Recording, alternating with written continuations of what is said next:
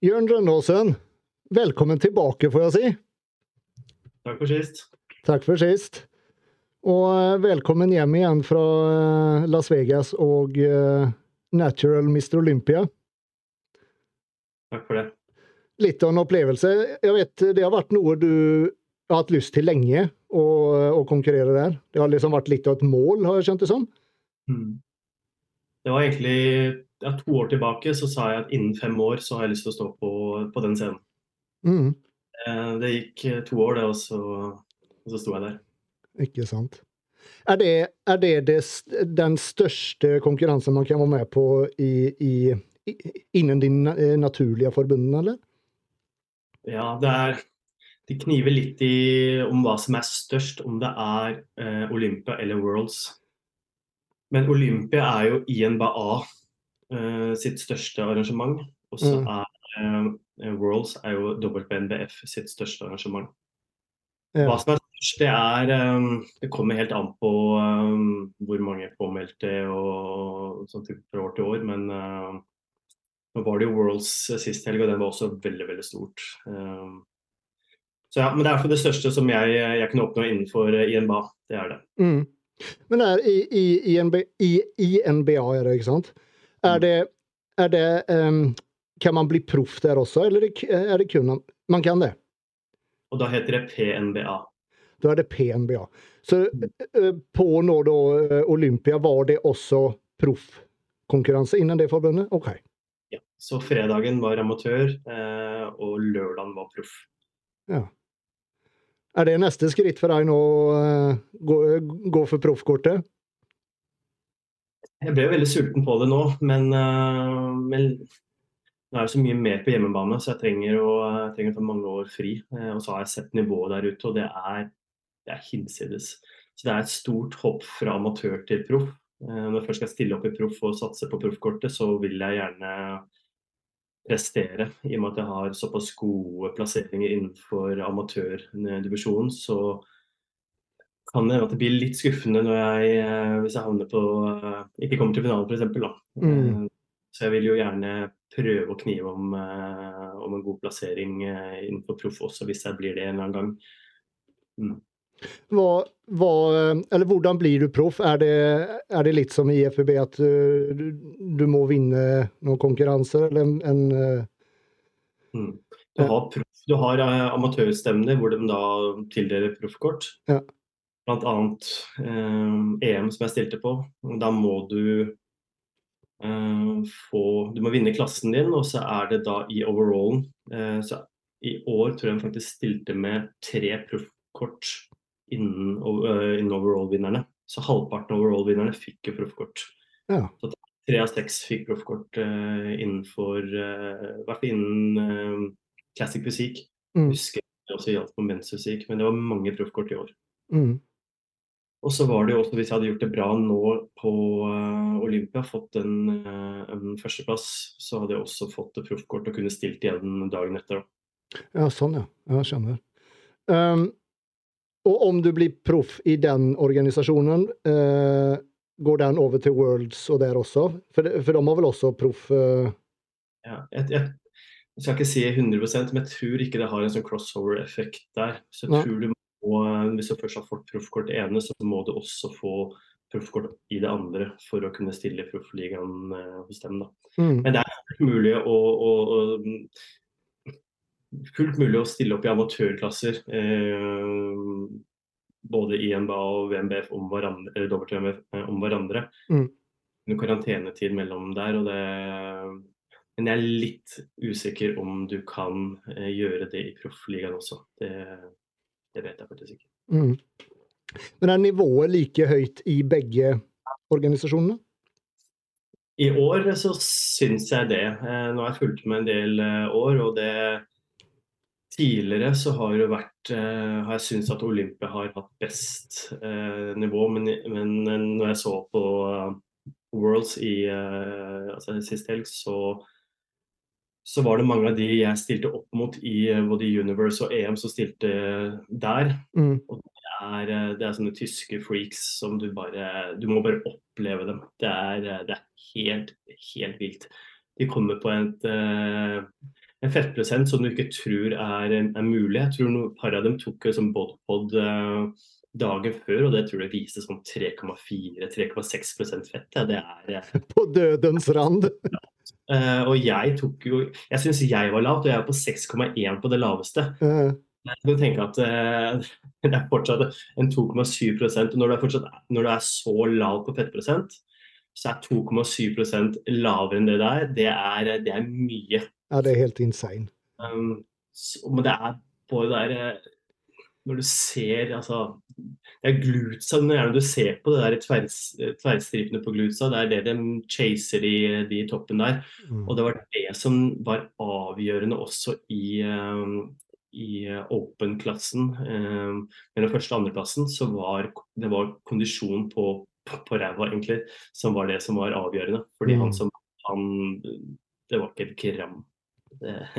Han nummer to var jo en danske, da, så uh, det er jo moro. Han er uh, Men de to slåss jo også i, uh, i EM, da.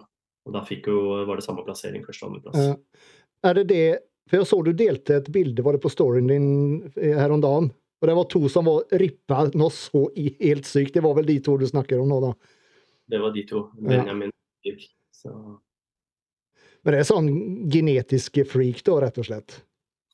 Ja, du, du møter ikke disse i hverdagen. Det gjør man ikke. Du ser, du ser ikke disse på gymmet. Det, det, er eh, Hvis du først møter en sånn en, så eh, er, er, det lett å, å putte de i en bås og tenke at eh, her, her har de tatt noen snarveier. Men, men når du ser når du ser nivået som eh, de i toppen i naturlig bygging, særlig proffklassen, kan oppnå, så er det Altså det, det, er, så, det er så høyt at du eh, du kunne gjort det veldig veldig bra innen altså slått mange som hadde vært eh, store forbrukere av, eh, av varer da, over lang mm. tid.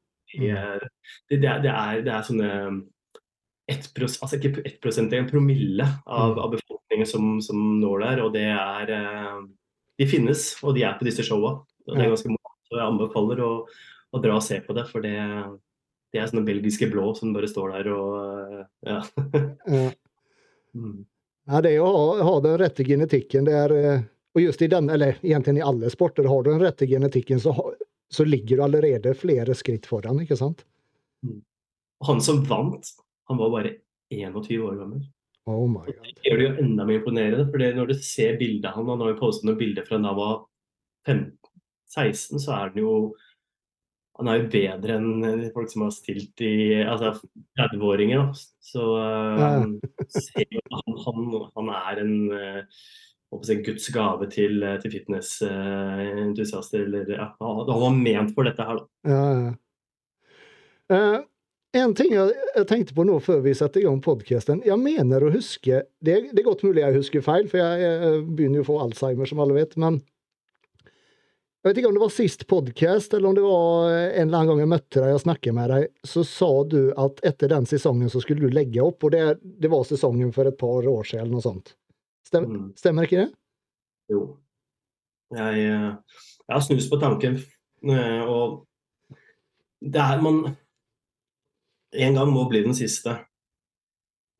Men så gir det Når det går litt tid, og så får man liksom litt sulten igjen, da, for du er, du er møkk lei på slutten. Du tenker bare OK, nå gidder jeg ikke mer. Og det, jeg har snakka med flere som, som i øyeblikket har sagt at nå skal jeg legge opp, og så ser du på scenen om, om to år senere. Ja. Altså, hva, hva, skjedde? Nei, det, jeg, jeg fikk litt klarere tanker igjen. For det er eh, du, du, går i kjelleren og eh, du har ikke lyst til å være der eh, altfor lenge. Men eh, sånn som nå, da, så har jeg egentlig lyst til å ha en lengre offseason. Jeg så jeg hadde jo et, eh, hadde et lengre avbrekk nå. Eh, altså ett år lenger enn det jeg tidligere. Jeg stilte jo nå i 2021, og nå er det to år eh, akkurat siden jeg sto på en scene. Det var jo november da også. Mm. Og tidligere har jeg stilt hvert år. Jeg har jo stilt jo i 2017, 18, 19. Eh, 20 skulle jeg stille, men eh, pga. covid. Eh, og så stilte jeg 21, og nå i 23. Bare det ene året ekstra så ser jeg at jeg har hatt eh, en, en, enorm utvikling. Mm. Og jeg tenker hvis jeg da har tre, fire, fem år ekstra, så tenker jeg at jeg kanskje uh, jeg får enda bedre utbytte av, av offseason. For nå føler jeg at uh, offseason jeg har hatt, er egentlig bare for å hente meg inn den muskelmassen jeg har tapt, og så kanskje bygge bitte litt uh, mm. før jeg går på en ny bølge. For jeg bruker jo så himla lang tid på den dietten min. Det er jo det er ikke bare tre måneder, det er jo seks-syv måneder. Fy faen. ja, ikke sant. Um, men da men da du sier ta en lang off-season, og samtidig som da du, du er litt sånn usikker på om du skal legge opp, eller hva det er, da. Men jeg regner med at du kommer Trene kommer du gjøre uansett, ikke sant? Men kommer du være like seriøs hele tiden, da? La oss si da at det går fem år nå før du kanskje står på en scene. Kommer du være like seriøs alle de fem årene som du har vært f.eks. de to årene nå? Altså, det er jo det er vanskelig å si, men eh, jeg, eh, jeg skal nok prøve mitt beste. Og prøve kanskje i hvert fall å, å ta eh, offseason like seriøst som jeg gjør onseason. Sånn eh, på, på trackinga, for jeg har veldig hatt veldig sånn øyemålstracking de siste, de siste offseasonene. Og det, det, det, fungerer jo, men uh, hvis jeg da prøver å, å Tenker du maten nå, eller? Maten, ja. Og altså, treninga, den, den, er lik. Men jeg tenker på maten. Den, mm. Eh, den prøver, prøver, å være litt seriøs og se over tid om det gir meg noe mer enn å bare ta det litt sånn på sparket. Men det blir ikke først før om kanskje et års tid, for nå vil jeg gjerne bare ha det litt, uh, litt roligere og litt mer rundere i kantene. Mm men prøve å uh, ta det litt, litt mer seriøst. Uh, og, og, og, tracke og sørge for at jeg faktisk er i kalorioverskudd over tid, og ikke at det er kalorioverskudd den ene uka, kaloriunderskudd den andre uka. Du, uh, og du veier deg litt sånn ny, ny og ned, og så, og så, vet du ikke helt om du, om du går fremover eller bakover. Bare for å presse det litt, for det er i det nivået vi er på nå, så det er liksom Alle prosentene må man bare ta med seg. Mm. Hvis jeg eventuelt skal bli proff eh, eller satse på proffkort, så må jeg. Eh, jeg. Jeg, kan ikke, kan ikke slappe av. Det, det, det fungerer ikke. Men jeg, jeg, trenger tid, jeg trenger mat, jeg trenger hvile og søvnen min. Da. Og det, søvnen er lik. Den, ja, søvnen, søvnen, er på stell i hvert fall. Såpass mye jeg har fått med meg. Ja, eh, det er det. Men jeg har jo noen X-faktorer nå da, som jeg ikke har hatt tidligere. Som kan som eh, kan eh, forstyrre litt. For det er jo en eh, det er en vekkerklokke jeg ikke kan sette på, på dvale på si, eller slumre. Den, mm. den, går når den vil. Ikke sant. Men jeg hadde egentlig inntrykk av at du, at du um, tracka like mye off-season som du gjorde på on-season, så å si. Men, det, men da viste det seg at du Jeg, tracker uh, bare protein, egentlig. At jeg, ja protein, og så, og så følger jeg med vekt over tid. Men, eh, og det er jo egentlig det som Det, det gir deg 95% men eh, hvis jeg skal prøve å få de 5% ekstra, så, så skal jeg prøve å gi det en liten sjanse om et års tid eller to. Og bare OK, nå tar vi seks måneder, altså like lenge eh, on-season, bare en off-season-versjon, og, og, og, tracke og se om det gir meg litt, litt ekstra. Og mm. så kanskje det er en inngang til eh, eller om jeg begynner senere, at det er en inngang til jeg begynner uh, uh, på dietten. At La oss si at eh, både diett og off-season går i ett med tanke på tracking. Mm. At det, I stedet for at du har syv måneder med, med diett, så er det på en måte også syv måneder med off-season, Så det blir en 14 måneders, 16 måneders periode hvor jeg da faktisk vet alt jeg får i meg. Mm. Men at det er litt trenger ikke veie maiskornene på offseason. Det spiller ingen rolle, men at det er, eh, at det er litt mer eh, enn bare protein. Mm. Ja, jeg ser det. Jeg ser det. Uh, ja, på tale om lang diett. Du, du, er jo kjent for ekstremt lange dietter. Seks-syv måneder. Hvor lang, hvor lang, var denne nå før, før din første konkurranse? Uh, jeg begynte 13. mars så det var rundt seks, seks måneder til første mm. konkurranse. Og så var det litt ja, rundt syv måneder til siste. Mm. Så det er lang diett. Og det, det, er andre gangen når du kjører så lang diett, ikke sant? Mm. Hva er, hva er grunnen til det? Det er, det er mange grunner. Det meste er at jeg har, vi har mulighet til å Uh, til å prøve å feile litt. Vi har muligheten til litt refeeds, sånn diet breaks som vi snakket om uh, tidligere sammen. Det er uh, har mulighet til å um, delta på sosiale arrangementer uten å tenke at den ene dagen ødelegger alt, for vi har mange dager å gå på. Og så føle at jeg klarer å ligge på et høyere kalori eller har mer kalorier å gå på.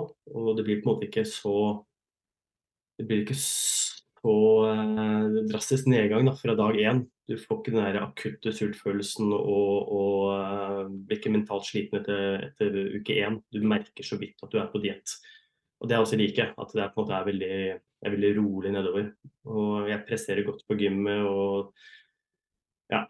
Det, for meg så fungerer det i hvert fall veldig godt. Og så har jeg også tid til å komme i form, ikke minst. Fordi de fleste dem de skulle gjerne hatt noen uker ekstra. Når du er på scenen, så bare ja, men det var eh, Hadde du hatt fire uker til, eller mm. ti uker til, mens vi vil gjerne være i form litt før, og så um, da heller å uh, cruise inn derfra. Det er, det er, sjelden jeg hører at folk er, er klar for tidlig. Det er gjerne andre veien. Ja, ja, ikke sant. Jeg tenker på For du har vel hatt De første gangene du stilte, så kjørte du ikke så lange dietter? Og du kom, du kom i god form da også? Jeg gjorde det, men jeg hadde jo mye verre sånn øh, psykisk. da. Ja. og jeg lå mye lavere på kaloriene, og jeg, jeg hadde jo ikke gøy. Eh, det var jo eh, tre-fire måneder hvor livet var ganske miserabelt. Nå har, nå har jeg følt at jeg har klart, klart, å leve eh, oppi dette her. og det Når du har så mange baller i lufta, så trenger, trenger hodet å være på plass. Og det var det ikke da i 2017 og 2018. Nei. Nei, for du har, du har faktisk ligget veld, veldig høyt på kaloriene, kan man jo si, sånn i forhold til kroppsvekta di. Du, du lå vel på var det 2,7 en god periode? 2,6 på hverdagene, og så hadde jeg eh, refeed i helgene hvor jeg hadde 600 kalorier ekstra både fredag og lørdag. Så det blir jo det på toppen av dette her, og da blir det snittet rundt 2,730 eller noe sånt når det av en uke. Mm så jeg egentlig helt fram til uh, jeg var ferdig med Universe. Og egentlig de siste tre ukene da, så dro vi oss ned til 2350. Ja. Så det var det laveste i, i, i, to uker, og da kjente jeg litt på sult. Uh, jeg har jo kjent på sult også enkelte dager, men det har på en måte ikke vært den, uh, den der OK, nå er jeg, nå er jeg på diett. Eh, den fikk jeg ikke før eh, helt, helt på slutten. Og det, det var mellom Universe og Olympia. Mm.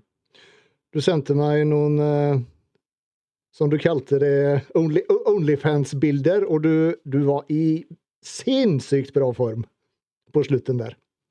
Det var liksom striper på glutsa, og ordentlige striper, altså. Så, så ja, du var rippa. Og tenk at det, og det var 6,1% Tenk på 3,7. Mm -hmm. ja, det hadde vært eh, enda mer eksklusivt og innhold å få. Men, men, men, på tall det med, det med fettprosent, det er veldig artig. for jeg synes ofte, ofte sånn Rundt konkurransetider så er det folk som har vært og målt fettprosenten, da, gjerne med klype eller med sånn inbody. Og veldig mange som har 3 og 4 prosent. Men sånn reelt sett så er det veldig få, veldig få som har det. Altså jeg, jeg, tok jo både InBody, klype og um, DEXA-scan. DEXA er jo den som er gullstandarden. Den mm. eller BodPod. Um, sånn underwater måling. Uh, de to sistnevnte er veldig dyre og vanskelig å få utført. Jeg tok jo det på Norges idrettshøgskole i forbindelse med et forskningsprosjekt. Mm, da tok jeg også fettklippe og Inbody, og de to følger gjerne hverandre. Eller gjør i hvert fall det med meg. Mm. Jeg, eh, når jeg underviste viste rundt 20 på når jeg starta på Dexan, så viste den rundt 15% på uh, Inbody og klype. Mm. Og så var det egentlig alltid 5 eh, feilmargin, eller forskjell mellom Dexan og uh, Flypa. Det, på slutten så viste jo Inbodyen 3 eh, og den går jo ikke lavere.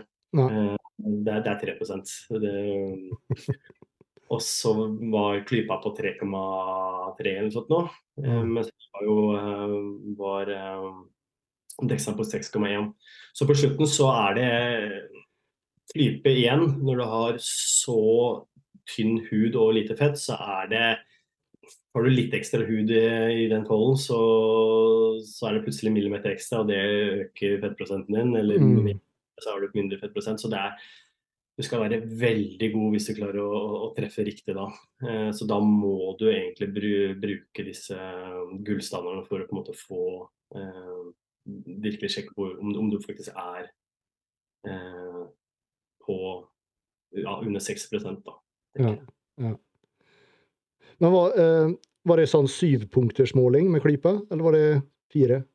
Ja, det var eh, Det var syv punkter, ja. Ja, mm. ja, ja, ikke sant.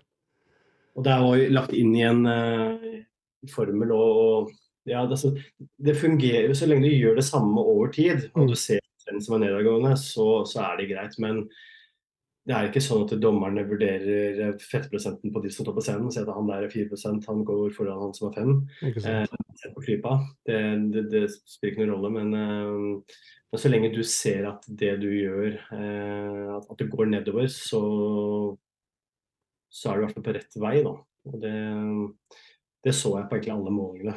Både, både midjemål, eh, altså jeg tar jo, tar jo målinger både rundt skulder og, bryst og egentlig eh, ti andre punkter på kroppen. I tillegg til disse målingene som jeg nevnte nå, eh, og daglig vekt. Når du ser at alt eh, peker nedover, eh, så betyr det at du går ned i, i, i, fettmasse. Og sikkert litt muskelmasse også, men basert på de tallene jeg fikk eh, skrevet ut, så var det ikke så mye eh, tap av, av muskelmasse men det er, det er, så vanskelig å si, for du er, eh, du er ganske deplita på glykogen. Eh, mm. det gjør også at eh, du Det, det kan fremstå som du har mista mer muskelmasse enn du, enn du, har. Så hadde jeg da hatt eh, to refeeds og så tatt måling, så ville jeg hatt mer muskelmasse enn når jeg da kjører eh, på en hverdag. Da. Mm. Så og, å, presisere det også. Og samme er det med, med væskeinntak, hvis jeg hadde da drukket mye vann i forkant. Eh, men eh, på disse målingene her så var jeg fastet, eh, og jeg hadde kontroll på det jeg spiste også. Så det var, det var det nærmeste vi kunne komme re realitet, da, at det ble likt fra gang til gang. Da. At vi, det var egentlig samme dag og, og fastet, og samme tidspunkt. da. Mm. Du tok vel blodprøver også, gjorde du ikke det? For det var, det var tre, tre, tilfeller. Det var eh, helt i starten, eh, midtveis og helt på slutten, ikke sant? Ja, og så skal vi ta en, nå, eh, en måned etter konkurranse også. Egentlig samme måned etter konkurranse også. Så det er og der også viste jo tallene at uh, testosteronnivået går jo betraktelig ned. Det var ikke mye å skryte av på slutten der. Eh, og det merker man også, at eh, mm. man har ikke der i gutset. Når, jeg, når jeg hører folk som har et, et lavt kronisk eh, testosteronnivå, så skjønner jeg at de har det, ikke har det så trivelig. Det, så jeg, men jeg er veldig glad for at det, det, går fort tilbake. Så det er bare å komme seg overskudd så fort som mulig. Og så For meg så tar det en ja, par måneder, så er det ganske reversert. Mm. Hvor lang tid eh, merker du allerede den målingen midtveis, at det hadde gått ned noe? Eller, eller, eller var det kun den siste målingen? Egentlig kun på slutten. Eh, det siste, siste målet Rett før den siste målingen og, og egentlig ut av de siste seks ukene, da, synes jeg det var Da merket jeg at det er ikke Det er, det er, det er noe her som, eh, som mangler. Mm. Det mangler den lille den driven, den lille Kall det motivasjonsboosten i hverdagen. Da. At du har orket til å på en måte stå opp og gidde å gjøre noe og gidde å dra på trening og, og, og kunne være med familien og, og, prestere på jobb. Du, det er litt sånn Det går litt trått. Mm. Det merker jeg på slutten. Um, men det er jo det er jo en følelse jeg er vant med. Jeg har gjort dette en del ganger, så jeg vet at den kommer. Mm. Jeg vet hvordan jeg skal takle den, og så er det egentlig bare å stå i det. Fordi mm. det, det, kommer hos alle når du er såpass lav eh, på fettprosent, så kommer den uansett. Ja. Uh, hvor hardt den treffer, det, det, kommer helt an på fra person til person. Ja, nettopp. Og hvor hardt du på, på en måte Litt som du sier, som du lar den treffe deg. ikke sant? Du, du vet at den kommer, og du vet at det er, det er ikke kjempehyggelig, det er bare å stå i det. Du, som jeg pleier å si til mine For jeg, jeg vet også mine atleter at jeg, det, er veldig, det er veldig fint i starten, alle er så motiverte, og så kommer det, det kommer et punkt der hvor, hvor, du får noen eh, meldinger som ikke er like hyggelige som du fikk i starten. Eh, og så må jeg bare si at men den, den, uh, dette må du bare stå i. Mm. Det, det, det, blir bra uh, etter hvert. Uh, jeg tenker bare vi tar en kjapp reklame her.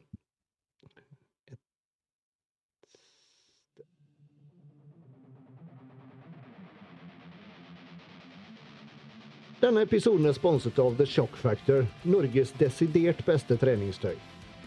Tidenes råeste Black Week-salg er i full gang, der det helt ville tilbud hele denne uka. Daglige dealer som endrer seg, samt giveaways og happenings, så følg med på både Instagram etter Shockfactor samt websiden shockfactor.com, så at du ikke går glipp av noen av alle råe tilbud. Om du er ute etter oversized og pump covers, da er old school eller graphic-kolleksjonene noe for deg, med mengder av kule design å velge mellom. For deg som vil ha noe lett og behagelig treningstøy, så er performance-kolleksjonen et selvsagt valg. Så ta turen innom shockfactor.com og bestill dine favoritter. Husk da å bruke kode GYMBROS når du sjekker ut, så får du 10% avslag på prisen. Altså koden GYMBROS gir deg 10% avslag på prisen hos shockfactor.com.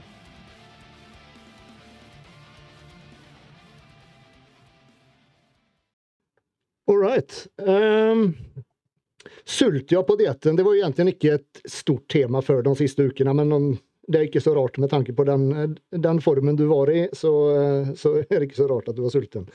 Men i hvert fall én ting eh, jeg har lyst til å spørre sånn i forhold til For du har jo spist veldig mye Eller hva skal jeg si? Egentlig bare normal mat. Det er jo liksom ikke den normale byggematen med ris og kylling og brokkoli og den biten der, utan det er helt normalt eh, norsk eh, hva skal jeg si, kors, eh, kosthold som mann i gata har omtrent. Det er, liksom, det er fortsatt brunost etter trening med brødskiver.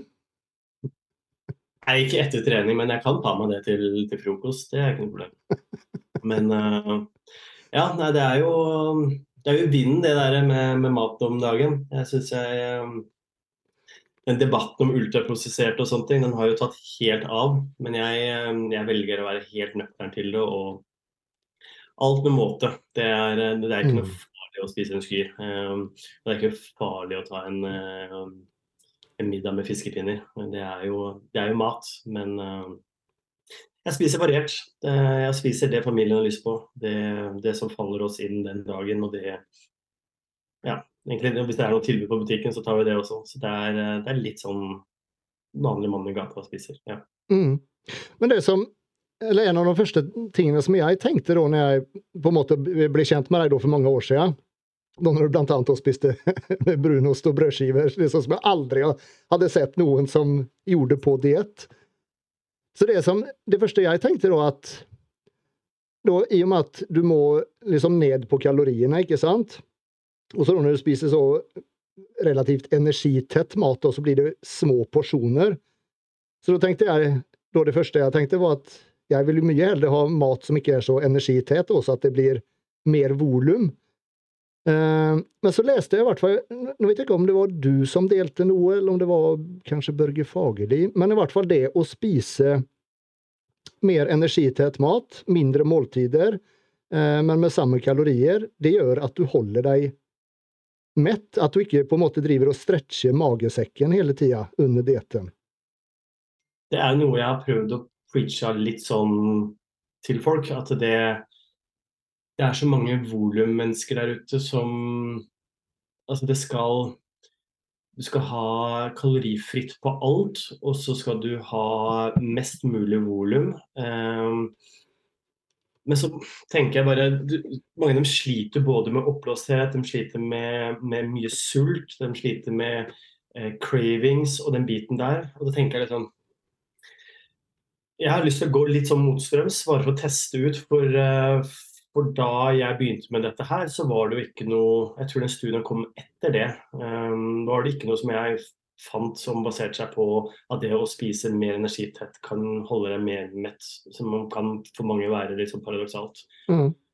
Uh, men fra egen erfaring så velger jeg gjerne den maten jeg spiser til vanlig, som er gjerne litt energitett. Uh, og jeg har spist mye burgere gått mye burgere, gått mye brødskiver med brunost. Det har gått mye ting som, som, folk rister på hodet på. Men jeg, det gjør at jeg bare OK, nå har jeg, spist maten min, ferdig på hva da, fem minutter. Og så holder det meg mett til, til neste gang, og jeg, jeg, er fornøyd med det jeg har spist. Jeg føler at jeg har spist et, et normalt måltid. Jeg føler ikke at jeg har brukt Eh, mange hjerneceller på å, å, få dette til å bli veldig instavennlig og, og, og, så stort som overhodet mulig. Det er, det er så enkelt at det, det, du kan bare gå inn på Rema og så plukke med deg tre varer og så stikke ut, og så er du ikke ferdig med middagen. Um, om det da er en pakke med, med fiskekaker og så noen lomper uh, eller et eller annet, så, så, så, går det. Uh, eller om du da tar og, og, drar hjem og spiser litt fiskepinner og noe potetmos fra, fra, fra pose. det, det, har uh, det, For meg så har ikke det Jeg, jeg tror ikke det ville gjøre så stor forskjell på hvordan fysikken ville sett ut hvis jeg hadde spist kall det renere mat. da. Det har i hvert fall gjort noe annerledes med hodet mitt da, hvis jeg måtte unngått å spise dette. Mm. Som, eh, en, en, ting som, eh, som, jeg vet jeg spurte deg om i Sandefjord, da, sånn i forhold til eh, proteinkvalitet, da, f.eks. i fiskepinner, er jo kanskje ikke den aller beste, da, om du sammenligner det med kyllingbryst, da, f.eks. Men følger du med på noe sånn av totalen, hvor mye som kommer fra hva skal jeg si, høykvalitetsprotein kontra eh, av lavere kvalitet? da? Ja. Fiskepinne er jo ikke fiskepinne. Da. Du kan jo, jeg velger jo velger gjerne fiskepinner som har litt mer fisk i seg, og da har det er jo god kvalitet. Mm. Um, men så er det jo det uh, Veldig mange tenker på hva, hva er som er god kvalitet. Men hvis du tenker på en enkelmatvare, så kan jeg være enig med at man sier at ok, den her er ikke et fullverdig protein. Uh, men men hvis du kombinerer dem, det er samme som veganer og vegetarianer, hvis du kombinerer forskjellige proteinkilder i ett måltid, så vil de komplementere hverandre, og da vil du få en, eh, en samme eh, muskelproteinsyntese som du ville gjort hvis du ville spist eh, la oss si kylling, kyllingbryst. Mm. Jeg sørger jo for at jeg får i meg majoriteten av, uh, av maten min i uh, meieri uh, og, og, kjøttprodukter, egentlig. Og så er det var det en del egg og, og, og den biten der, da, men jeg uh, Ja. Det, det, er som sagt det er, det er totale proteininnholdet som Eller de studiene som er bevist, eh, som, som, man har snakket om, hvor man da har snakket om de protein eh, rangene, som den 1,6 til 2,2 eller sånt, det har jo basert seg på protein, eh, totale protein i kosten, ikke mm bare av ren kvalitet. Men jeg, jeg sørger for å, at, at mesteparten er, er jo sistnevnte, da. Ja. Um,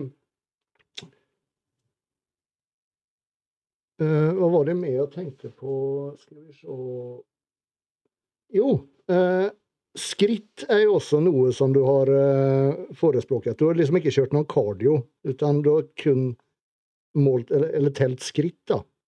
Mm. Og det var, var, det 10 000 om dagen du prøvde å få inn? Minimum 10 000. Ja. Sist jeg gjorde cardio, var vel i ja, kanskje Holmenkollstafetten 2016 eller noe sånt. Det var kanskje siste gang jeg drev med noen form for cardio, men etter det så har det bare vært skritt. Så, det er, så jeg har løpt i bussen, da. Men, men bortsett fra det, så er det så er det det å gå tur med jeg hadde jo hund en periode, så jeg gikk tur, mye tur med hunden. Eh, mm. Så veldig mye på jobb. Så de 10 000 er egentlig veldig lett for meg å, å oppnå i løpet av en dag. For andre så er det veldig vanskelig. Så jeg når jeg uh, har kunder, så individualiserer jeg det. Fordi en som går 3000 til vanlig, og jeg sier at du skal gå 10 000, så er det ganske stort hopp. Men for meg så har det vært 10 000 har, uh, har fungert veldig greit. Og så har det vært dager hvor jeg ikke har klart det. Og da, da har jeg bare gått ut og, og hørt på podkast og så tatt de 2000-3000 som mangler, og så kommet meg inn igjen. Det, det er min kart nå. Mm. Men da, la oss ta et eksempel. Som, som meg, da, som var til daglig Jeg, jeg har jo hund, ikke sant? Og så uh, litt beroende på hvor mye jeg går med hunden, hvor mye fruen går med hunden, så Sånn til daglig så blir det alt mellom 8 og noen dager kanskje opp til 15 000 skritt. Men la oss si da at jeg skulle begynt på diett og jeg skulle hatt inn 10 000 skritt. Skal man legge det oppå det man allerede gjør, eller skal jeg bare det er det totale, det er, ikke, det er ikke noe tillegg. Så Nei. allerede har det inne, så, så ber jeg bare egentlig mine kunder om å fylle det ut i en tabell. Og så ser vi snittet i løpet av en uke. Så ja. hvis snittet da på en, på en, lørdag er 13 000, så kan du, fort, så kan du fint gå 6000 på søndag, og så er snittet over 10 000 uansett en uke. Mm. Så, eh, og, motsatt, hvis du eh, har gått veldig lite en hel uke, så må du ta inn i helgen, så kan du fort nå ende opp i 15 000-20 000 for å, for å, få det 10 000-snittet. Mm. Det er litt samme som med, med, med mat også, med, med, snitt i løpet av en uke som uh, har noe å si, ikke enkeltdager.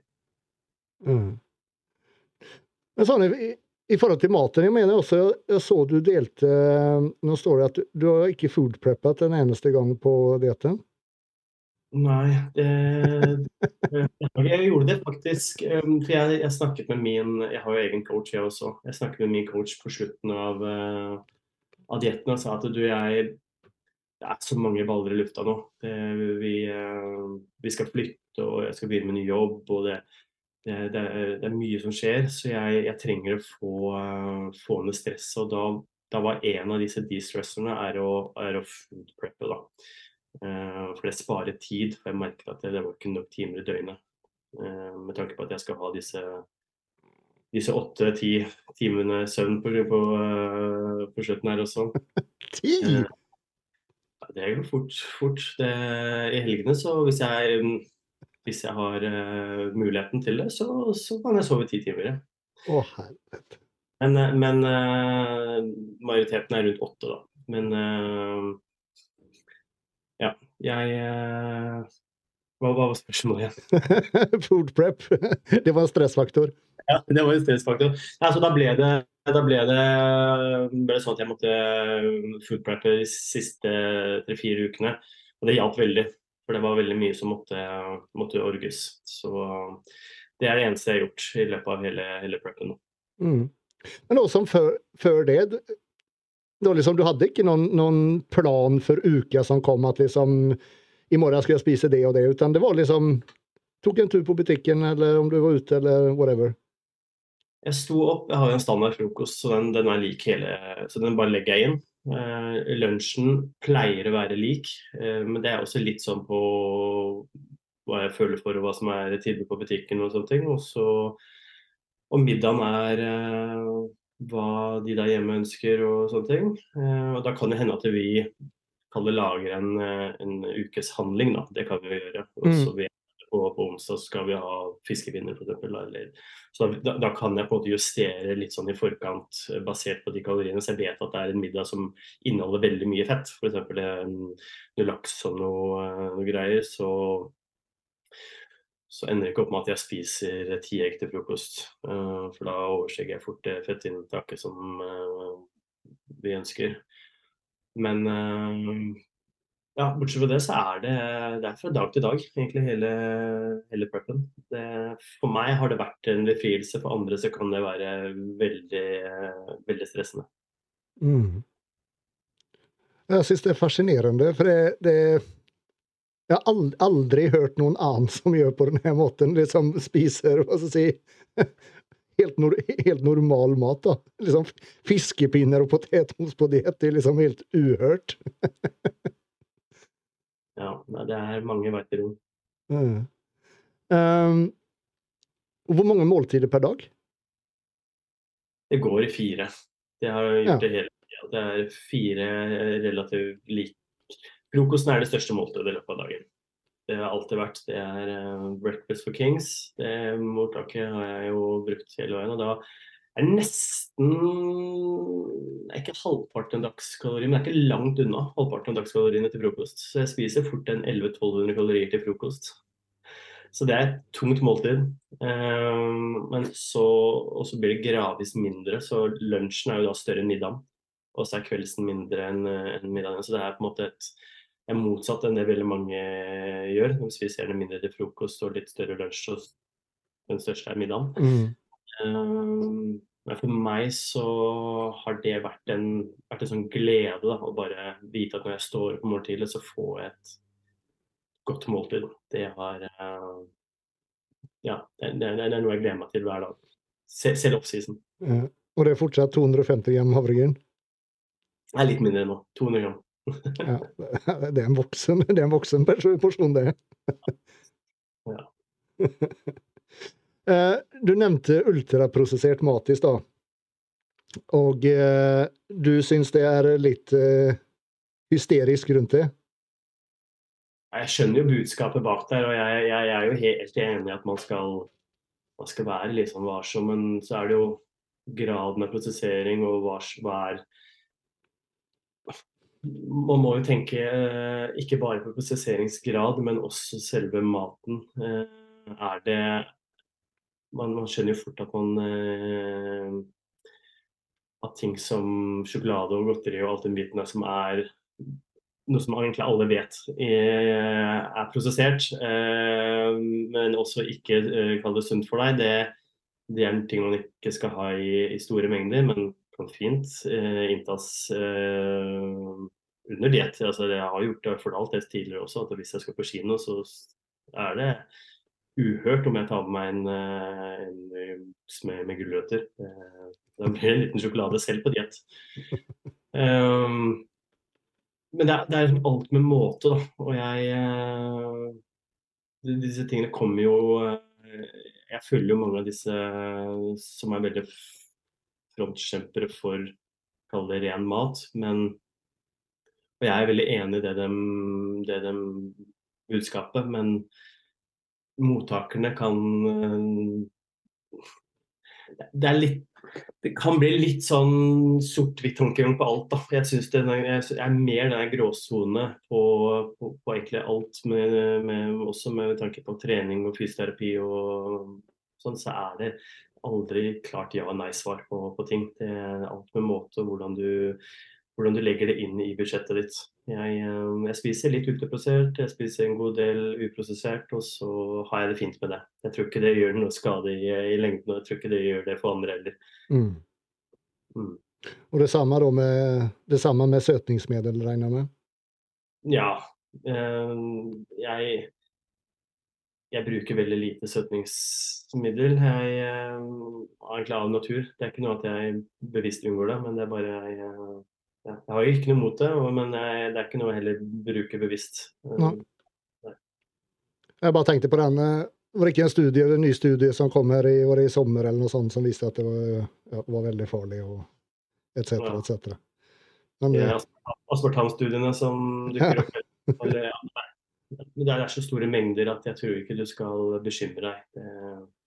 Mange av de studiene også er gjort på rotter, så det er jo snakk om at du skal drikke 20 liter Pepsi Max om dagen, og det, du kommer ikke opp i disse mengdene uansett.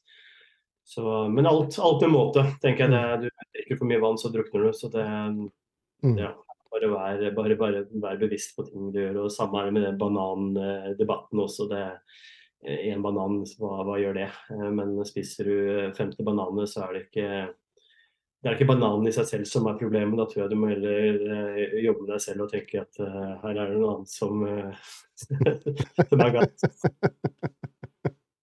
Sant. jeg vet Det var vel for, forrige preppen din. Så husker jeg på peak weekend du hadde problemer med å få fylt opp all karben du spiste. Du spiste noen helt sinnssyke mengder karb. Det bare gikk rett igjennom, mer eller mindre. Mm. Men du kjørte et litt annet opplegg nå denne gangen, gjorde du ikke det? Med, du du fettloada? Mm. Det gjorde jeg også 2021. OK. Men før 2021 så har jeg ikke gjort det. Det var jo egentlig basert på en, en artikkel som ble skrevet i ja, rundt 2021-2021. Og så tenkte jeg bare at jeg er villig til å prøve. For jeg, jeg kan ikke uttale meg om noe med mindre jeg har prøvd det selv. Og, så kan jeg, og selv om jeg prøvde selv og det ikke har fungert for meg, så kan jeg likevel ikke si at det ikke fungerer, fordi ting må jo individualiseres. Men vi, vi, prøvde det med god suksess og tenkte at det, hvorfor skal man endre en vinneroppskrift? Eh, så jeg følte at det var eh, det var godt. Jeg følte at jeg fikk spist eh, en del matvarer som jeg måtte unngå, som inneholdt en del fett. Så det var jo veldig mye tunge omeletter med ekstra stavin på slutten her. Det, det har jeg ikke spist mye av, for det, det, det spiser mye av budsjettet. Men det var godt. Eh, så vi gjorde det med, med peak-weekend til eh, Olympia. For vi peaka jo ikke til Universe eller EM. Du, ba, du bare kjørte flatt inn der? Vi, kjørte, vi hadde jo, hadde jo refeed hver helg, så da stilte jeg opp på en, eh, en fred... Jeg stilte opp på en lørdag eh, på de konkurransene, og da, lørdag og søndag. Og da tok jeg de refeed-dagene i ukedagene isteden. Så da Normalt sett så har jeg refeed fredag-lørdag, men da tok jeg refeed istedenfor på, uh, på onsdag-torsdag. Mm. Og, så, og, så, stilte jeg opp. Og da, da fikk jeg det samme resultatet eller samme responset som jeg normalt sett ville fått. Jeg visste, visste hvordan kroppen min så ut etter to dager med, refeed. Det, det, var en, det, var en, god pakke. Men vi visste også at den pakken vi leverer, den, det er ikke den beste. Den kommer til Olympia. Dette gikk jo veldig bra, eh, både i EM og Universe. Og så um, prøvde da peak week med fat load til Olympia. Ja, og da en sånn fat load, er det da et par dager der du spiser mer fett før du begynner å karbe, eller, eller hvordan foregår det? Mm, du, vi tok tre dager med to ganger kroppsvekt. Altså jeg hadde 150 gram med fett i tre dager. Og så gikk vi ned igjen på, eh, på fettet og kjørte det veldig lavt. Og da økte vi karbohydratene. Skal også si at når jeg hadde fett, økte fettet, så, økte, så reduserte vi også karben. Altså den var jo veldig lav i tre dager, så vi lå jo da på eh, 175-50 gram med, med, med, karb i tre dager. Bare for å tømme glykogenet. Det var jo allerede ganske tømt, men bare for å få ut det siste. Og så begynte vi å loade igjen i, i, tre dager. Og da hadde jeg jo da 750 gram eh, karb i tre dager på rad. Og, var, eh, og, da var det lavt på fett og lavt på, på protein. Mm. Du sier du lå, lå, lavt på karben da med 150-175 gram. Det var veldig nei, nei, nei. 100, og så 75 og 50. Å oh, ja, 75 og 50. OK, ok, da er jeg med. Mm. Ok, ja det, det, er lavt. Det er lavt. Men det er allikevel hva noen uh, kjører på, på diet, hele dietten, mer eller mindre. ja, alt, alt, er relativt, da. Når det, ja, alt, alt er relativt. 400 til vanlig, så er, eh, så er det lavt. 400? Ja, du lå så høyt, altså? Ja, det lå på 300 og Altså i snitt da, så lå det på 400. Det lå på 310 gram eller sånt på hverdagene. Og så var jo da 150 gram eh, karb både fredag og lørdag, så det ble jo 600 gram oppå det. Så det var jo ja, i hvert fall rett underkant av 400 gram, da. Ja. I snitt. Ja, det er mye mat. Um, på tale om piken, um, eller hva skal jeg si, ja, piken inn til konkurranse, da. Du, du kutter vel ikke noe vann eller noe sånt? Nei. Du bare, drikker, bare drikker helt normalt? Helt normalt. Mm. Men jeg så derimot at du, du adda en del eh, salt. Stemmer ikke det? Mm. Jo. Det også er jo Normalt sett så vil jeg ikke manipulere saltinntaket for mye, for det kan slå begge veier. Mm. Men vi, har, eh, vi hadde veldig god kontroll på både væske og saltinntak. Og da er det ikke, det er ikke salt, det er natriuminntaket, fordi ett gram salt er jo tror jeg 300 milligram eller sånt med litt mer enn natrium. Så er natriummengden vi målte, så hadde jo ganske høye eh, natrium inntak på slutten der.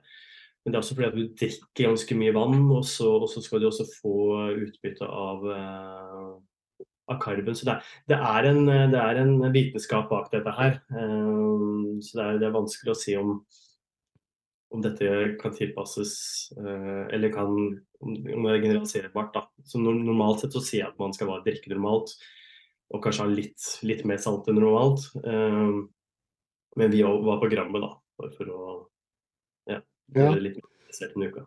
Nei, for jeg så du hadde Jeg husker ikke akkurat hvor mange gram det var, men det var liksom akkurat, ikke sant? Og, og da tenkte jeg at Jørn gjør ikke noe bare sånn, bare tar fingeren i været, utan der er det en tanke bak det.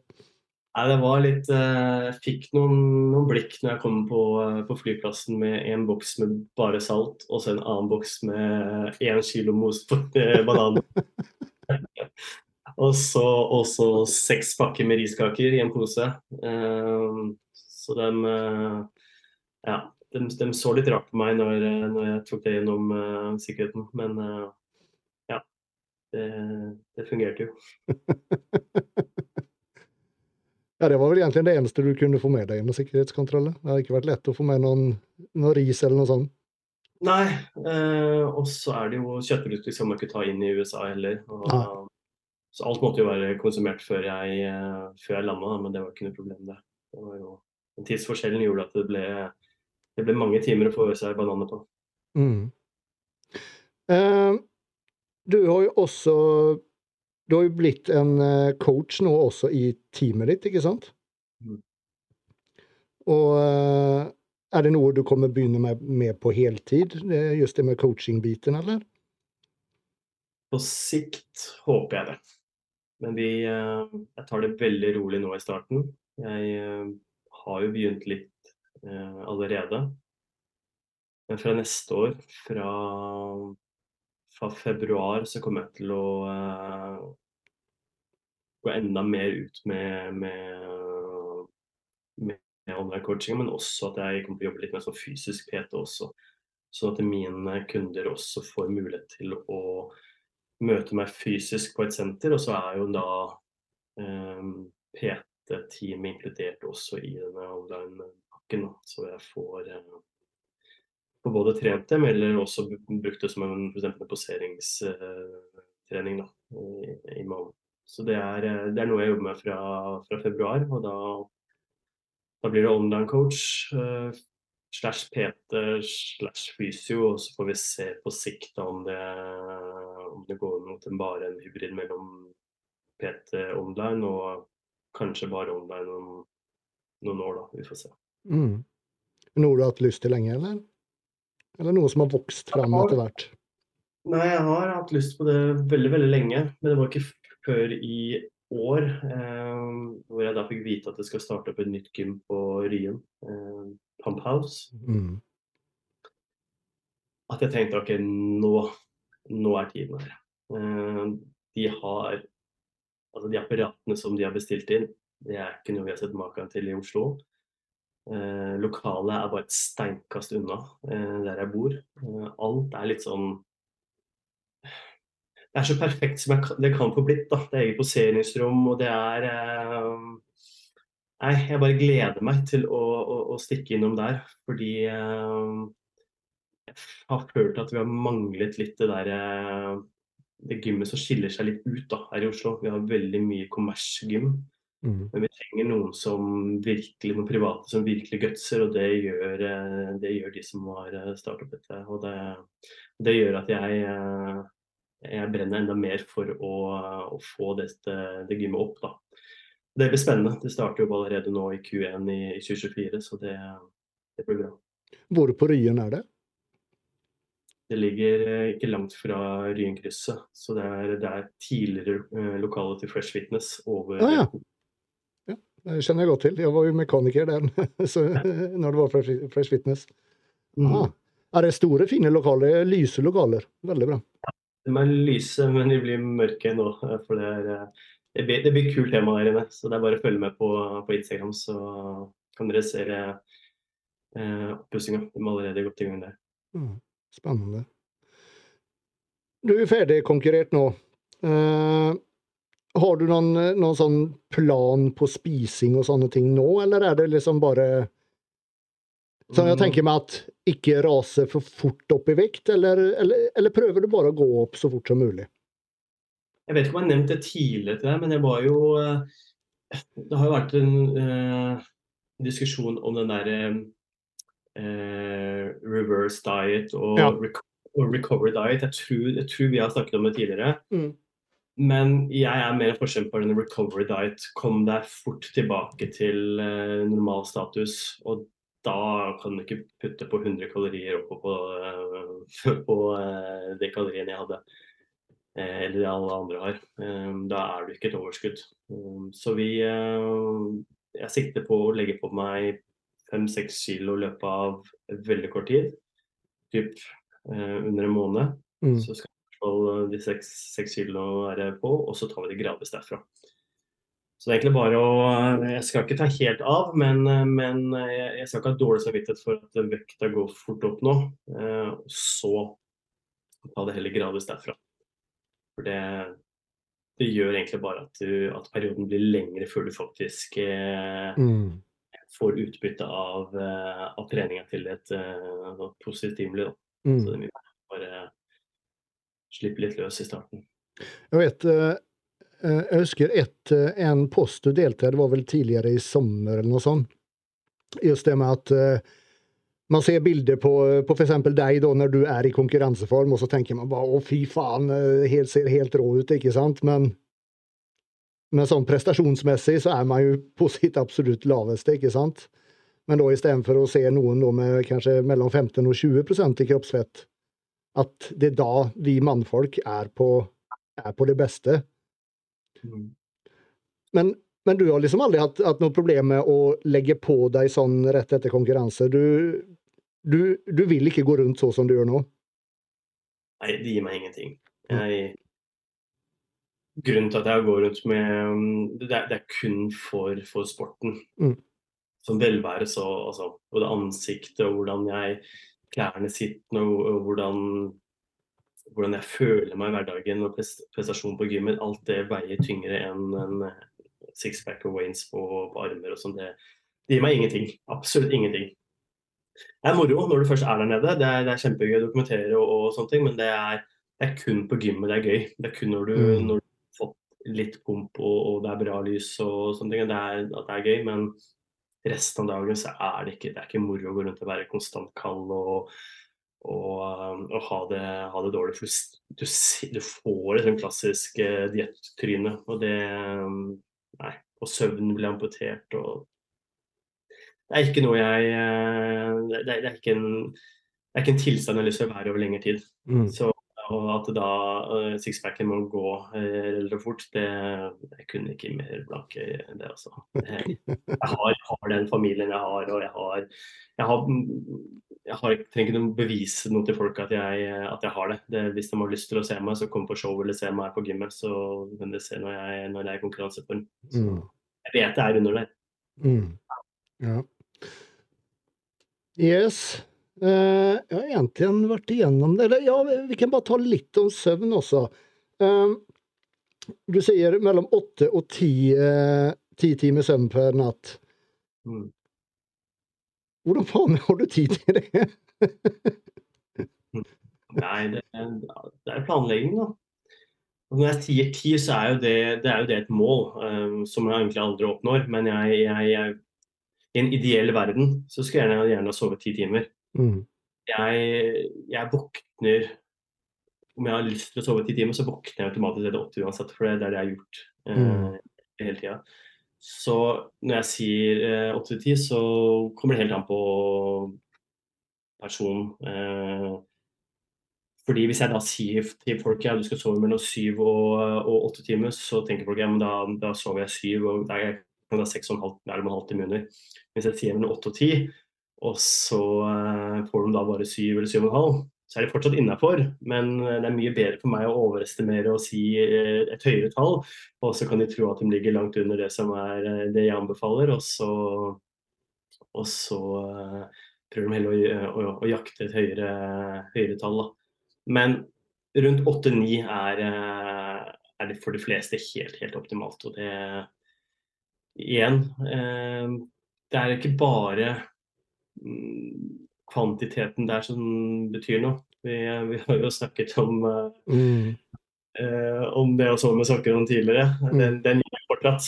Den, den, sokkene blir jo ikke glemt på kvelden. Uh, jeg har kuttet ut briller, da, for det er jo uh, Jeg følger jo med i det som studier at det, det ikke har så mye for seg som man først har trodd. Så der har jeg, og den har jeg jo kutta ut. Men, men, jeg teiper fortsatt munnen når jeg sover med neseplaster. Og, så det, det soves godt da, disse åtte timene jeg sover. Altså har, da har jeg ikke noe behov for noe ekstra koffein i løpet av hverdagen. Jeg har ikke noe behov for noe ekstra eh, dupper opp og si, som jeg sier til dattera mi, eh, i løpet av en dag. Det, er, det, det holder med disse åtte timene, og så har jeg konstant energi til å legge meg. Mm. Jeg tror uten tvil det er en, en, en ting som alle, alle, burde prioritere mer. Det å få nok søvn. Og det er jo ikke bare sånn i forhold til treninger, men det er jo bare generell livskvalitet, tenker jeg alle aspekter i livet, egentlig. Alt fra mm. ja, hvordan du Altså hukommelse til prestasjon på arbeid til uh, det vi driver med, da. Det, mm. Og just det med, å, det med, å, teipe munnen, det er jo Nå vet jeg du har gjort det lenge, men, men det er jo noe som man Jeg syns man ser det Man ser flere og flere profesjonelle idrettsutøvere som faktisk gjør det nå.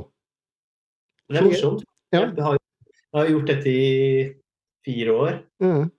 Og så når jeg plutselig ser Haaland drive med sånn, så tenker jeg bare Det er bra, Haaland. Eh, så prøver jeg å gå inn på Instagram og si nei, han følger meg ikke, men eh, det, hadde vært, det hadde vært moro hvis han eh, plutselig hadde shout-out til Norway. Så nå Jørn som, som fikk meg til å begynne med dette. Men nei, jeg det var egentlig helt tilfeldig at jeg begynte med teiping i munnen. Fordi jeg sleit mye med migrene, og så var det en, en kollega av meg som sa at du, tannlegen min sa prøv å teipe munnen. Jeg syns det var Altså, tenkte bare er, er han gal? Eh, skal teipe munnen før jeg skal legge seg. Men eh, jeg er veldig åpen for ting, da. Eh, så lenge det ikke skader meg eller skade andre, både økonomisk eller uh, fysisk. Her tenkte jeg kanskje at man kunne bli kvalt, men jeg, man har jo en nese. Ga det forsøk. Så har jeg, eh, har jeg ikke kutta ut siden, og det er jo da fire år siden. Og migrenen som jeg hadde hver uke, den er jo borte. Eh, det, og tillit til at jeg føler at jeg har, jeg har sovet godt. Eh, det, den følelsen, den, den, er så god. Og jeg merker forskjell nå hvis jeg i løpet av natta har klart å krølle vekk den teipbiten og våkner opp uten, og så merker jeg at jeg, okay, nå, natt har jeg sovet dårlig, jeg har pusta mye med munnen. Og da kan jeg også være litt sånn harkete også. Det, så det, det å teipe munnen, det har vært en game changer, for min del i hvert fall. Ja, er det så stor forskjell, altså? Det er så stor forskjell. Men det er jo det kommer jo helt an på da, hvordan du er. Om du er en person som puster veldig mye med munnen når du sover om natta, så tror jeg det kan ha en forskjell. Um, for da må du da tvinge kroppen til å puste gjennom nesa, og har, det har masse fordeler. Så men det er jo en vanesak. De første nettene så vil det føles veldig rart ut. Men eh, jeg, jeg ville jeg ville prøve det, eh, og så se over tid om det, om det, gir noen forskjell eller ikke. Eh, før man helt tatt avfeier det. For det er veldig, det er veldig lite invasivt eh, grep. Det er bare å kjøpe en hvit eh, legeteip som mm. Eh, papirteip, og så og så sette en liten teip ut på munnen, og så sove. Og så får du bare gjøre det over en tid, og så se sover jeg bedre, merker jeg noe forskjell. Hvis ikke, så er det bare å kutte ut. Det er ikke noe verre enn det. Men hva er det som skjer, sånn, sånn teknisk sett? Hva er, det, hva er det det gjør, egentlig? Det å puste igjen nesen har mange fordeler. Det er jo, ene fordelen er at du i nesen har du jo Du har jo hår i nesen, eh, hvert fall de som ikke fjerner det eh, som filtrerer eh, lufta når du, går, når du, puster inn. Og det gjør at du er litt mindre utsatt for luftveisinfeksjoner. I tillegg til at det varmer opp lufta før du går ned i lungene, og det gjør at du også får raskere opptak av eh, oksygen. I tillegg til at eh, når du da går gjennom disse bihulene som vi har, så produseres det noe som heter nitriksoksid, um, som veldig mange kjenner igjen i, i pumpprodukter i pre-workout. Det produseres også naturlig. og Det er med på å avslappe eller utvide blodårene, som igjen gjør at det, du får mer eh, oksygen ut i blodet, Eh, muskulatur og, og hjerne. Det er en rekke andre fordeler, i tillegg til at du snorker mindre, da. Eh, så det er bedre for partneren din, eh, ikke minst. Så eh, Nei, det, det, er nok flere fordeler der, men jeg kommer ikke på noe mm. men, det, men, det, er ikke bare når man sover, det er også sånn i, i dagliglivet som det kan lønne seg å, å, å prøve å puste mest mulig gjennom nesa? Ja, og da kommer jeg på en annen ting. Det er jo det at du, du stimulerer det parasympatiske nervesystemet når du puster gjennom nesen. Og det er med på å få deg litt sånn rolig. Eh, gjør at hvilepulsen, eh, eller pulsen går ned. Mm. Og det gjør at hvis du er veldig stressa, så, så, kan du føle at du eh, blir litt mindre stressa ved å puste gjennom nesen. Eh, og når du da trener også å puste gjennom nesen, så vil du også kunne innhente deg raskere mellom mellom f.eks. sett. Og I hverdagen også, det at du puster gjennom nesen, så kan du også eh, gjøre at du klarer å, å yte mer da, over, over, tid. da. Veldig mange kan bli veldig stressa eh, og, og mm. følger av, eh, av, det. da. Veldig interessant. Har jeg sett noen, eh, noen studier på dette her. Eh, de har jo eh, dessverre brukt aper og teipet eh, nesa til apene. Og så fått det til å bare puste gjennom munnen over tid. Og du ser også at ansiktet forandrer seg. Så det å eh, når, når, man er under utvikling og da bare puster med munnen, så kan også faktisk skjevepartiet og, og, ansiktet forandre seg. Fordi kroppen tilpasser seg det den blir utsatt for. Yes. Og da har jeg også gått inn på noen tannlegestudier som har sett på, på dette her. At de, de, som er kroniske munnpustere, kan også få eh, litt problemer med, med, både eh, tannpartiet, men også at de får et veldig sånn langt ansikt. kan eh, altså Det kommer veldig sånn trøtt under øya, nesa kan forandre seg. Det er, om det, om det holder i alt dette her, det, det, det, vet jeg ikke. Men det, det ble gjort noe, eh, noen tvillingstudier på dette. Hvor det var to enige tvillinger som de observerte over tid. Og da var den ene en munnpuster, den andre eh, nesepuster. Mm. Så du at hun som pustet med, med munnen, hun fikk disse klassiske eh, det klassiske lange ansiktet og, og eh, og de tingene som jeg nevnte nettopp, mens hun som pustet med nesen, vil, fikk veldig ganske normale trekk da, i ansiktet. Så det da, da konkluderte vi med at det kanskje kunne vært pga. pustinga. da. Yes. Huh. Og dette er jo da i, i vekstår, da. så når du, er, når du er voksen, så tror jeg ikke det vil forandre seg så mye. Men uh, mm. Det er verdt å, å, å bemerke seg da, hvis du ser at uh, du har barn eller noen i den alderen som kanskje puster veldig mye med, med munnen, at man kanskje blir mer bevisst på å puste med nesa. Mm. Mm. Ja, vi får se. Kanskje jeg går og kjøper meg en teiprull og prøver.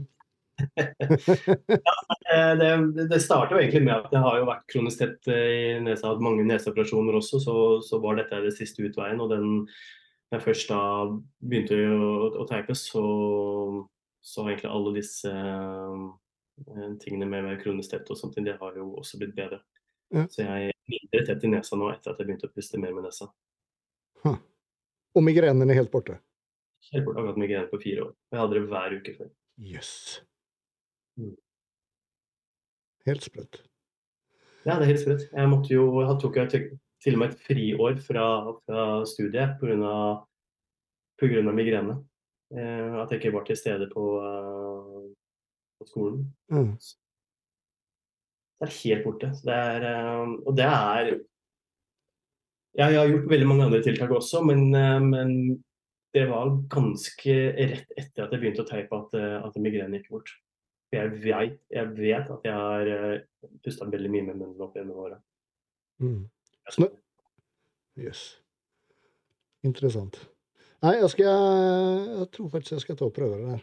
Jeg Men Men da når du sier du sover åtte timer, sover du åtte timer i strekk, eller eh, våkner du i løpet av natta? Nå våkner jeg altså, Når du er på diett, så våkner man automatisk ja.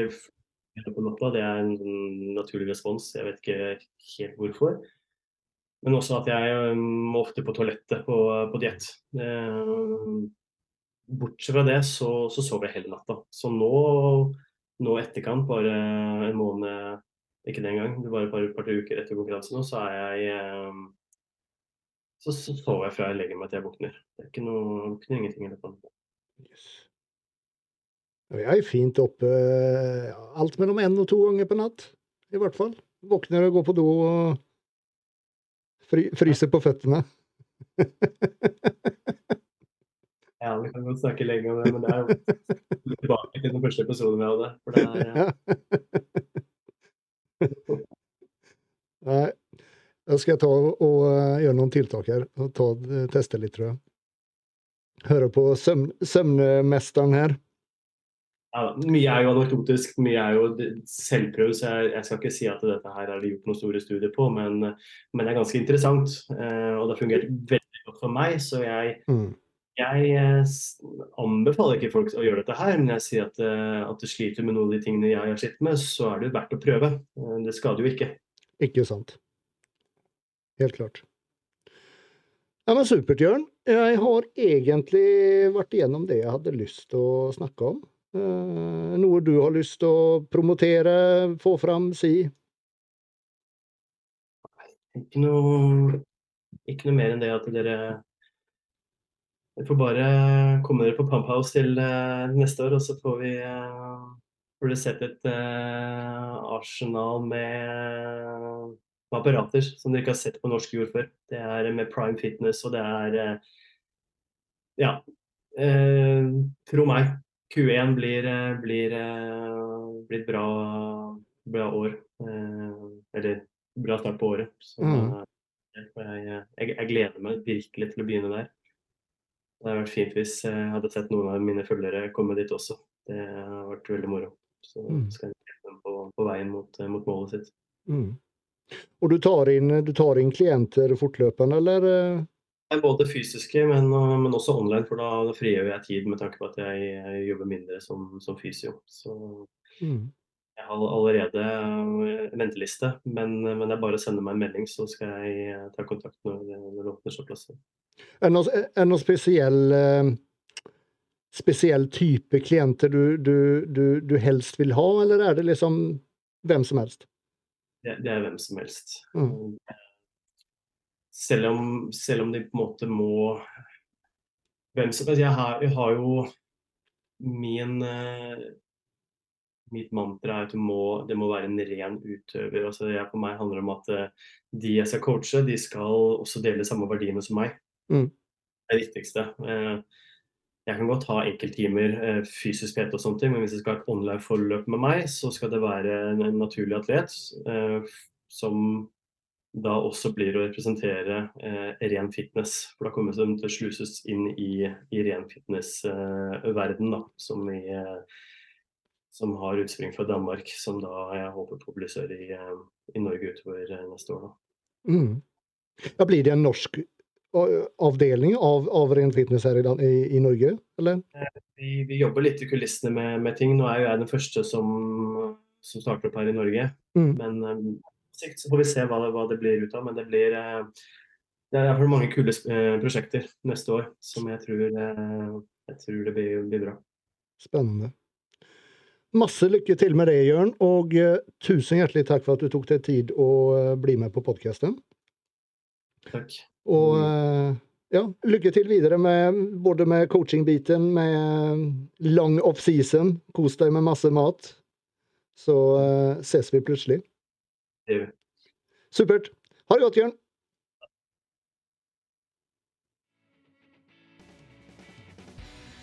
Synes du utbudet av kosttilskudd er dyrt og litt dårligere hjemme i Norge?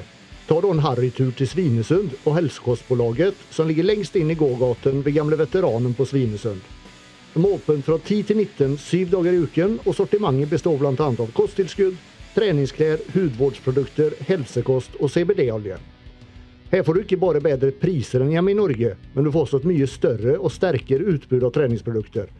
Mange som ikke ens går å få tak i her hjemme. Med stort og veldig bredt sortiment finner du alltid det du er på jakt etter. Og når man topper det med kunnig personal, personlig service og uslåelige priser, så blir du alltid en meget fornøyd kunde. Helsekostpålaget lagerfører mange anerkjente varer og merker som ellers kan være vanskelig å få kjøpt i Norge. Et godt eksempel er Trained by JP.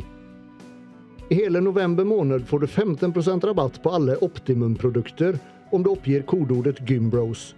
I tillegg har du som alltid også 10% rabatt på resten av sortimentet hos Helsekostbolaget.